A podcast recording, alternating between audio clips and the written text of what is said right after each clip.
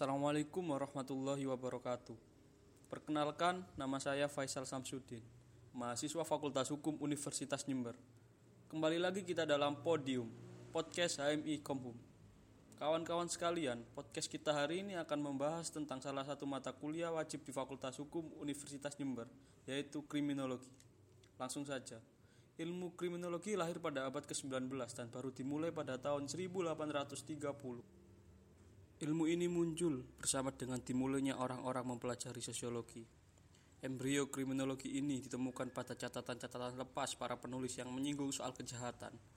Van Kahn dalam bukunya Les Causes Economiques de la Criminalité 1903 menulis pendapat-pendapat para sarjana tentang sebab musabab ekonomi terhadap kejahatan.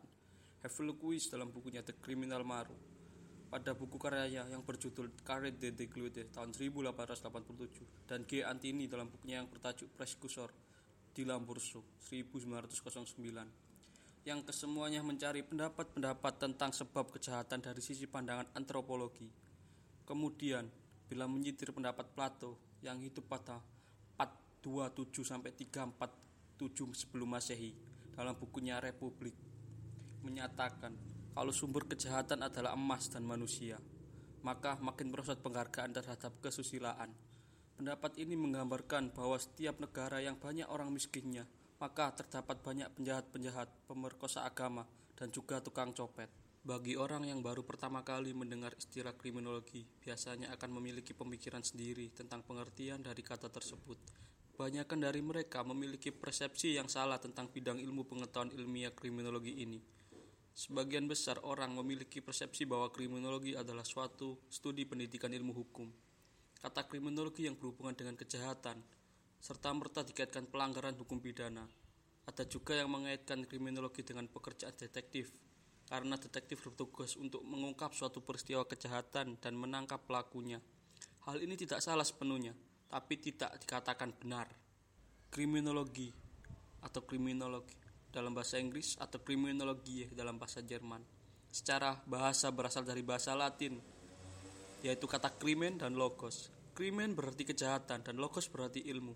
Dengan demikian, kriminologi secara harfiah berarti ilmu yang mempelajari tentang penjahat. Istilah kriminologi pertama kali digunakan oleh Topinard, seorang sarjana Perancis, pada akhir abad ke-19.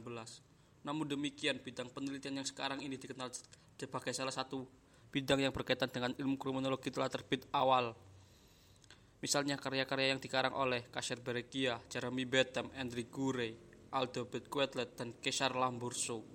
Kriminologi kemudian berkembang sebagai ilmu pengetahuan ilmiah, yang mana dalam perkembangannya, kriminologi modern terpisah-pisah melandaskan diri pada salah satu cabang ilmu pengetahuan ilmiah tertentu, yaitu sosiologi, hukum, psikologi, psikiatri, dan biologi.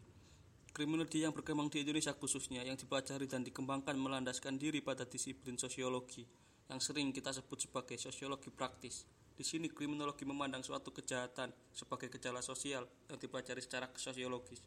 Pengertian di atas sangatlah luas sehingga para ahli yang mengemukakan pendapat mereka tentang pengertian kriminologi secara khusus antara lain Bonger memberikan batasan bahwa kriminologi adalah ilmu pengetahuan yang bertujuan menyelidiki kejahatan seluas-luasnya. Bonger dalam memberikan batasan kriminologi membagi kriminologi ke dalam dua aspek, yang pertama kriminologi praktis, yaitu kriminologi yang berdasarkan hasil penelitiannya disimpulkan manfaat praktisnya. Yang kedua kriminologi teoritis, yaitu ilmu pengetahuan yang berdasarkan pengalamannya seperti ilmu pengetahuan lainnya yang sejenis, memperhatikan gejala-gejala kejahatan yang mencoba menyelidiki sebab dari gejala tersebut atau secara etiologi. Dengan metode yang berlaku pada kriminologi, dalam kriminologi teoritis, Bonger memperluas pengertian dengan mengatakan bahwa kriminologi merupakan banyak dari kumpulan ilmu pengetahuan. Di antaranya, yang pertama, antropologi kriminologi, yaitu ilmu pengetahuan tentang manusia yang jahat, dilihat dari segi biologisnya, yang merupakan bagian dari ilmu alam. Kedua, sosiologi kriminal, yaitu ilmu pengetahuan tentang kejahatan sebagai gejala sosial. Pokok perhatiannya adalah seberapa jauh pengaruh sosial bagi timbulnya kejahatan atau etiologi sosial. Tiga, psikologi kriminal, yaitu ilmu pengetahuan tentang kejahatan dipandang dari aspek psikologis. Penelitian tentang aspek kejiwaan dari pelaku kejahatan antara yang ditunjukkan pada aspek-aspek kepribadiannya. 4. Psiki patologi kriminal dan neuropatologi kriminal, yaitu ilmu pengetahuan tentang kejahatan yang sakit jiwa atau sakit sarafnya, lebih dikenal dengan istilah psikriati. Yang kelima, penologi, yaitu ilmu pengetahuan tentang tumbuh kembangnya penghukuman, arti penghukuman, dan manfaat penghukuman. Enam, Kriminologi praktis, yaitu berbagai kebijakan yang dilaksanakan oleh birokrasi dalam menanggulangi kejahatan. Yang ketujuh, kriminalistik, yaitu ilmu pengetahuan yang dipergunakan untuk menyelidiki terjadinya suatu peristiwa kejahatan. Bonger dalam analisanya terhadap keja masalah kejahatan lebih menggunakan pendekatan sosiologis. Misalnya analisa tentang berhubungan antara kejahatan dan kemiskinan. Selain Bonger, juga ada pendapat para ahli lain, yaitu Wood. Ia mengatakan bahwa istilah kriminologi meliputi keseluruhan pengetahuan yang diperoleh berdasarkan teori atau pengalaman yang berkaitan dengan perbuatan jahat dan penjahatnya, termasuk di dalamnya reaksi dari masyarakat terhadap perbuatan jahat itu dan para penjahatnya. Yang termasuk di dalamnya antara lain, yang pertama, keseluruhan ilmu tentang kejahatan. Yang kedua, berdasarkan kepada teori pengalaman yang diperoleh dari ilmu kejahatan. Yang ketiga, melihat kejahatan dan penjahat. Yang keempat, reaksi dari masyarakat berupa pandangan, perbuatan, atau tindakan seperti penanggulangan dan pencegahan. Ada juga Michael Adler, dia menyatakan bahwa kriminologi adalah keseluruhan keterangan mengenai perbuatan dan sifat dari penjahat lingkungan mereka dan cara mereka secara resmi diperlakukan oleh lembaga penertib masyarakat dan oleh para anggota masyarakat. Selain itu, ada pendapat dari Edwin H. Sutherland yang dikenal sebagai bapak kriminologi modern karena dialah yang pertama kali menghubungkan masalah kejahatan itu dengan masyarakat. Dalam hal ini Edwin melihat dari segi sosiologi. Menurut Edwin, menyatakan kriminologi adalah criminolog is the body of knowledge treating crime as a social phenomena. Ialah keseluruhan pengetahuan tentang kejahatan sebagai gejala sosial. Beliau juga mengatakan bahwa selama masyarakat masih ada perbuatan kejahatan juga akan tetap ada berlandaskan pada definisi di atas. Sutherland dan Casey menjelaskan bahwa kriminologi terdiri dari tiga bagian pokok yaitu A. Sosiologi hukum B. Etiologi kriminal dan C. Penologi termasuk metode pengendalian sosial. Selanjutnya seorang pakar dari Indonesia yaitu Profesor Muhammad Mustafa dalam bukunya Kriminologi mengatakan bahwa definisi kriminologi yang berkaitan dengan pengembangan kriminologi di Indonesia adalah yang berakar pada sosiologis. Kriminologi diartikan sebagai ilmu pengetahuan ilmiah tentang yang pertama perumusan sosial, pelanggaran hukum, penyimpangan sosial, kenakalan dan kejahatan. Yang kedua, pola-pola tingkah laku dan sebab musabab terjadinya pola tingkah laku yang termasuk dalam kategori penyimpangan sosial, pelanggar hukum, kenakalan, dan kejahatan yang ditelusuri pada munculnya suatu peristiwa kejahatan, serta kedudukan dan korban kejahatan dalam hukum dan masyarakat. Yang selanjutnya, pola interaksi sosial formal, informal, dan nonformal terhadap penjahat, kejahatan, dan korban kejahatan. Dalam pengertian tersebut, termasuk melakukan penelitian ilmiah terhadap pelanggaran hak asasi manusia, serta usaha negara dalam mewujudkan hak asasi manusia dan kesejahteraan sosial. Setelah kita membahas pengertian-pengertian kriminologi dari beberapa ahli, selanjutnya kita akan membahas tentang ruang lingkup kriminologi. Secara singkat dapat diuraikan bahwa objek ruang lingkup kriminologi adalah yang pertama kejahatan, yang kedua pelaku, yang ketiga reaksi masyarakat terhadap perbuatan melanggar hukum dan pelaku kejahatan. Oke, sekarang lanjut yang pertama yaitu kejahatan. Berbicara tentang kejahatan, maka sesuatu yang dapat kita tangkap secara spontan adalah tindakan yang merugikan orang lain atau masyarakat umum atau lebih sederhana lagi, kejahatan adalah suatu perbuatan yang bertentangan dengan norma. Seperti apakah batasan kejahatan menurut kriminologi? Banyak para pakar mendefinisikan kejahatan dari berbagai sudut. Pengertian kejahatan merupakan suatu yang relatif, yaitu konotasi yang tergantung pada nilai-nilai dan skala sosial. Kejahatan yang dimaksud di sini adalah kejahatan dalam arti pelanggaran terhadap undang-undang pidana. Di sinilah letak perkembangannya, kriminologi dan sebagai salah satu pemicu dalam perkembangan kriminologi. Mengapa demikian? Perlu dicatat bahwa kejahatan didefinisikan secara luas dan bentuk kejahatan tidak sama menurut tempat dan waktu. Kriminologi dituntut sebagai salah satu bidang ilmu yang bisa memberikan sumbangan pemikiran terhadap kebijakan hukum pidana. Dengan mempelajari kejahatan dari jenis-jenis yang telah dikualifikasikan, diharapkan kriminologi dapat mempelajari pula tingkat kesadaran hukum masyarakat terhadap kejahatan yang dicantumkan dalam undang-undang pidana. Selanjutnya yang kedua pelaku. Sangat sederhana sekali kita mengetahui objek kedua dari kriminologi ini. Setelah mempelajari tentang kejahatannya, maka sangatlah tepat kalau pelaku kejahatannya tersebut juga dipelajari. Akan tetapi, kesederhanaan pemikiran tersebut tidaklah demikian adanya. Yang dapat dikualifikasikan sebagai pelaku kejahatan untuk dapat dikategorikan sebagai pelaku adalah mereka yang telah ditetapkan sebagai pelanggar hukum oleh pengadilan. Objek penelitian kriminologi tentang pelaku adalah tentang mereka yang melakukan kejahatan dan dengan penelitian tersebut diharapkan diharapkan dapat mengukur tingkat kesadaran masyarakat terhadap hukum yang berlaku dengan muaranya adalah kebijakan hukum pidana yang baru. Yang ketiga, reaksi masyarakat terhadap perbuatan melanggar hukum dan pelaku kejahatan.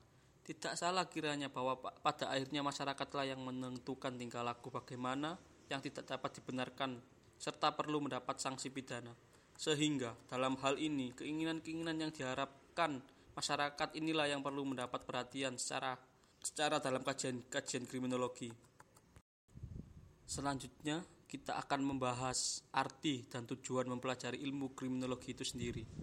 Kriminologi sebagai ilmu yang berdiri sendiri dengan memiliki bidang kajian tersendiri, pastilah memiliki alasan yang cukup rasional kenapa ilmu ini penting. Bagaimana ilmu apa pun pasti memiliki arti dan tujuan, bahkan kegunaan, seperti halnya tercantum dalam kitab suci, bahwa Tuhan menciptakan sesuatu tidak ada yang sia-sia.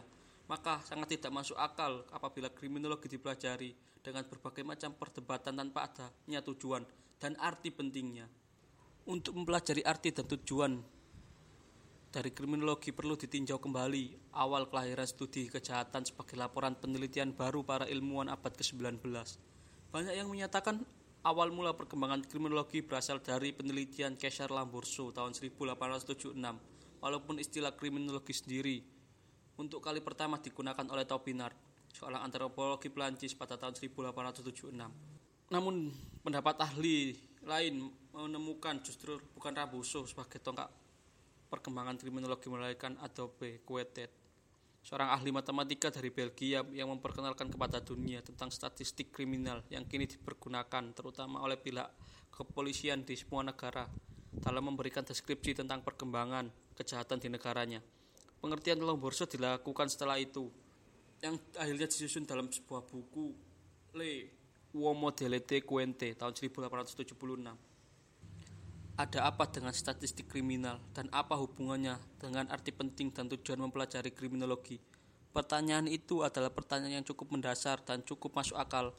Statistik kriminal atau statistik moral menurut Romley Atmasas Mita yang diperkenalkan oleh Quetelet adalah suatu bentuk observasi tentang kejahatan menggunakan angka yang menemukan adanya regularitis dalam perkembangan kejahatan Kejahatan yang tumbuh dan berkembang dalam masyarakat dan ke setiap kejahatan tertentu dalam masyarakat selalu berulang sama. Arti statistik kriminal ini tidak hanya sekedar angka, melainkan sebuah makna yang mendalam bahwa kejahatan dapat diprediksikan. Dalam perkembangannya, kejahatan dapat dikaitkan sebagai hasil dari suatu proses rekayasa, baik dari bidang sosial, budaya, ekonomi, politik, dan lain sebagainya. Dalam perkembangan kriminologi bukan lagi sebagai science of science for science, tapi juga sudah bergeser menjadi science for welfare of society atau ilmu kesejahteraan sosial atau bahkan dikaitkan sebagai science for interest the power elite. Menurut Romley at masa masa Smita, kriminologi harus dipergunakan sebagai kontrol sosial terhadap kebijakan dalam pelaksanaan hukum pidana. Dengan kata lain, kriminologi harus memiliki peran antisipatif dan reaktif terhadap semua kebijakan di lapangan hukum pidana sehingga dengan demikian dapat dicegah kemungkinan timbulnya akibat-akibat yang merugikan baik bagi pelaku, korban maupun masyarakat secara keseluruhan. Baiklah, kita akan lanjut ke mazhab-mazhab dalam kriminologi. Mazhab-mazhab dalam kriminologi merupakan suatu sistem pemikiran yang mengandung satu kesatuan teori mengenai sebab-sebab kejahatan dan dapat dikatakan sebagai sasaran utama kriminologi yang menyangkut kejahatan penjahat dan reaksi sosial atas kejahatan dan penjahat. Suatu teori yang membahas masalah kejahatan khususnya sebab-sebab kejahatan dan penjahat dalam kriminologi dikenal adanya beberapa mazhab atau aliran. Masa macam-macam mazhab. Yang pertama yaitu mazhab Italia atau mazhab antropologi. Mazhab ini mula-mula berkembang di Italia sehingga dikenal sedenggak mazhab Italia. Tokonya yang terkenal adalah Cilo Borso seorang dokter ahli penyakit jiwa dari Italia dan guru besar ilmu kedokteran dan penyakit jiwa. Hasil karya terkenalnya adalah Li Wonomo Delinquent. Dia mengemukakan bahwa para penjahat dipandang dari sudut antropologi, dilihat dari fisiknya, mempunyai tanda-tanda tertentu yang sangat berbeda dengan manusia lainnya.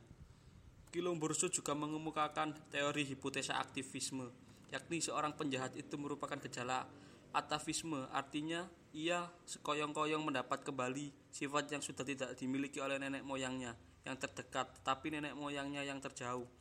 Pendapat Cilomborso tersebut menimbulkan pertentangan ajaran. Pertentangan tersebut antara lain dari Profesor Benedict dan Lima Novier. Menurut kedua penantang itu, dikemukakan bahwa pendapat Lombroso mengenai ciri khas orang penjahat dapat dilihat dari keadaan fisiknya dan gejala atavisme adalah masih meragukan sebab pernyataan tersebut bukan berdasar dari para ahli atau hasil penelitian tetapi atas dugaan belaka dari pendapat Ciremburso di atas di atas khususnya bagi anggota Polri yang ditarik kesimpulannya walaupun teori Lombroso ini telah mendapat tantangan hebat dari banyak sarjana namun teori ini relatif bila perlu masih dapat digunakan dalam melacak pelaku-pelaku kejahatan. Yang kedua, mazhab lingkungan. Menurut mazhab ini, seseorang melakukan kejahatan karena dipengaruhi oleh faktor-faktor lingkungannya atau faktor-faktor yang di sekitarnya. Tokoh terkemuka dalam mazhab ini adalah Alan Sanz, seorang guru besar ilmu kedokteran kehakiman di perguruan kriminal internasional di Roma. Dalam ajarannya menguraikan bahwa keadaan sosial sekeliling manusia menimbulkan terjadinya embrio kejahatan. Menurut JJ, menurut Jelen Mark dan teman-teman memberikan kesempatan memberikan pendapat sedikit bahwa kejahatan itu bukan sejak lahir atau hipotesa atavisme tetapi faktor lingkunganlah yang dapat menyebabkan terjadinya kejahatan. Pada Kongres Antropologi Kriminal kedua di Perancis, beliau mengemukakan pendapatnya sebagai berikut. Yang pertama menolak ajaran Cilung Burso, kemudian membentuk suatu panitia untuk melakukan penelitian tentang kebenaran dari ajaran Cilung Burso dengan cara melakukan penelitian dengan membandingkan secara antropologi dan ternyata hasil dari penelitian tersebut dapat dibuktikan teori Cilumburso tidak mengandung kebenaran. Yang ketiga, mazhab biologi sosiologis. Tokoh terkenal mazhab ini antara lain Ade Prince van Hemel dan De Simon. Mazhab ini merupakan perkembangan dari perpaduan antara lain antropologi dan sosiologi. Menurut mazhab ini,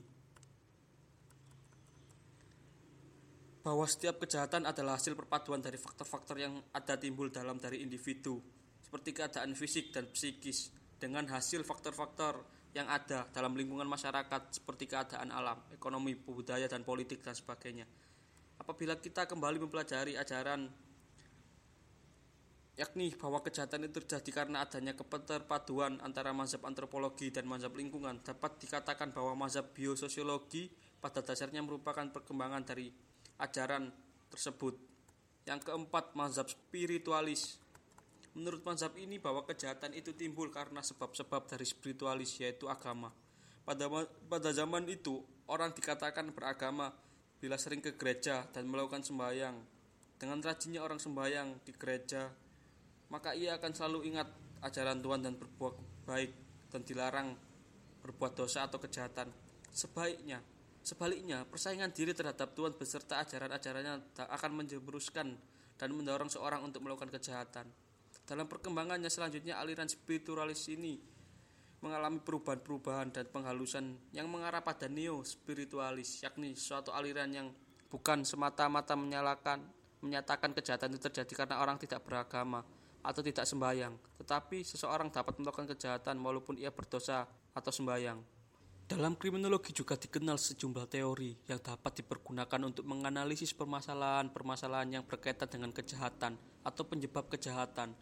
Dalam teori-teori tersebut adalah teori asosiasi diferensial, teori anomi, teori subkultur, teori label, teori konflik, teori kontrol, dan sebagainya. Sekian di antara penjelasan teori tersebut. Yang pertama yaitu teori differential association Teori ini dikemukakan oleh Edwin H. Sutherland, seorang ahli sosiologi Amerika dalam bukunya Principle of Criminology. Asumsinya dalam teori ini dapat dipengaruhi oleh William E. Thomas dan George Smith yang beraliran simbolik interaktionisme, juga aliran ekologi dari Clint von Ersau dan Henry D. Mickey, serta kultur konflik dari Tonslin Selin. Terdapat dua versi asosiasi diferensial. Versi pertama terdapat dalam buku Principle of Criminology edisi ketiga dalam karya tersebut, Perhatian Sutherland tertuju pada konflik budaya atau cultural konflik, keberantakan sosial atau social disorganization, serta differential association. Itulah sebabnya ia menurunkan tiga pokok soal sebagai intisari teorinya. Any can be trained to adopt and follow and pattern of before with the he is able to execute it. Tiap orang menerima dan mengikuti pola-pola perilaku yang dapat dilaksanakan. Kedua, failure of the follow appreciate pattern of behavior is due to the inconsistency and lack of harmony in influence with different the individual. Kegagalan mengikuti suatu pola tingkah laku yang seharusnya menimbulkan inkonsistensi dan ketidakharmonisan. Yang ketiga, The conflict of culture is therefore of the fundamental principle in the explanation of the crime, yaitu konflik budaya merupakan prinsip dasar dalam menjelaskan kejahatan. Yang kedua teori anomi. Teori anomi pertama kali diperkenalkan oleh Emil Durkheim yang merujuk pada absence of social regulation normless. Kemudian dalam buku The Division of Labor in Society tahun 1893, Durkheim mempergunakan istilah anomi untuk mendeskripsikan keadaan deregulation di dalam masyarakat yang diartikan sebagai tindak tidak diatati, tidak ditaatinya aturan-aturan yang terdapat pada masyarakat sehingga Seseorang tidak tahu apa yang diharapkan dari orang lain dan keadaan ini menyebabkan deviasi. Deviasi. Teori ini tidak lepas dari kom kom kompetensi Durkheim tentang manusia yang menurutnya ditandai oleh tiga hal, yakni manusia merupakan makhluk sosial, man in social animal, eksistensinya sebagai makhluk sosial, human being a social animal, yang ketika manusia cenderung hidup dalam masyarakat dan keberadaannya sangat tergantung pada masyarakat tersebut sebagai koloni, tending to live in colony and his survival dependent upon moral connection. Yang ketiga teori konflik. Teori konflik muncul tidak lama secara teori label. Teori ini lebih meningkatkan pada pola kejahatan dan mencoba untuk memeriksa atau meneliti pembentukan hukum dan penerapan hukum pidana. Berbeda dengan teori konflik, teori labeling kurang berorientasi pada masalah politik Paling sedikit ada empat asumsi dasar teori konflik yang umum diakui. Yang pertama, konflik merupakan hal yang bersifat alamiah dalam masyarakat. Yang ketiga, masyarakat cenderung mengalami perubahan dalam setiap perubahan peranan kekuasaan terhadap kelompok masyarakat lain dan terus terjadi. Yang ketiga, selalu ada kompetisi dalam terjadinya perubahan. Yang keempat, dalam kompetisi ter, dalam kompetisi itu, penggunaan kekuasaan hukum dan penegakan hukum selalu menjadi alat dan mempunyai peranan penting dalam masyarakat. Yang keempat, teori tempat kejahatan dan teori aktivitas rutin. Hasil pengamatan Shaumike dan Strack menunjukkan bahwa kejahatan tidak akan muncul pada setiap masalah sosial, namun kejahatan akan muncul andai kata masalah, ada masalah sosial tertentu, mempunyai kekuatan dan mendorong aspek-aspek kriminologi. Teori Strack tentang tempat kejahatan memberi betapa penjelasan tentang mengapa kejahatan terus berkembang sejalan dengan perubahan atau perkembangan di dalam populasi Para ahli yang mengkaji tradisi disorganisasi sosial sudah sejak lama memusatkan perhatian pada tiga aspek korelatif kejahatan ekologi, yaitu kemiskinan, heterogenitas kesukuan, dan mobilitas pemukiman. Tetapi aspek korelatif tersebut saat ini sangat sudah diperluas lagi untuk menguji dampak faktor tambahan seperti keluarga, single parent, urbanisasi, dan kepadatan struktural. Strack memperlakukan lima variabel yang diyakini dapat mempengaruhi tingkat kejahatan dalam masyarakat, yakni kepadatan, kemiskinan, pemakaian fasilitas secara bersama, pemondokan sementara, dan kerusakan tidak terpelihara. Variabel tersebut dihubungkan empat variabel lainnya, yakni moral sinisme di antara warga, kesempatan melakukan kejahatan dan kejahatan meningkat, motivasi untuk melakukan kejahatan yang meningkat, dan hilangnya mekanisme kontrol sosial. Teori aktivitas rutin menjelaskan bahwa pola viktimisasi sangat terkait dengan ekologi sosial. Studi yang dilakukan oleh menunjukkan secara jelas hubungan antara pelaku kejahatan, korban, dan sistem penjagaan. Inti dari semua pembahasan tentang teori, teori kriminologi adalah bagaimana mempelajari sebab musabab terjadinya suatu kejahatan dan bagaimana dampak terhadap masyarakat. Semua pendekatan teori mencoba membangun hipotesa dari perspektif yang berbeda tapi inti pembahasannya sama yaitu objek kajian tentang masalah kejahatan. Berdasarkan uraian tersebut dapat ditarik sebuah pemikiran bahwa kriminologi adalah bidang ilmu yang cukup penting dipelajari karena dengan adanya kriminologi dapat dipergunakan sebagai kontrol sosial terhadap kebijakan dan pelaksanaan hukum pidana.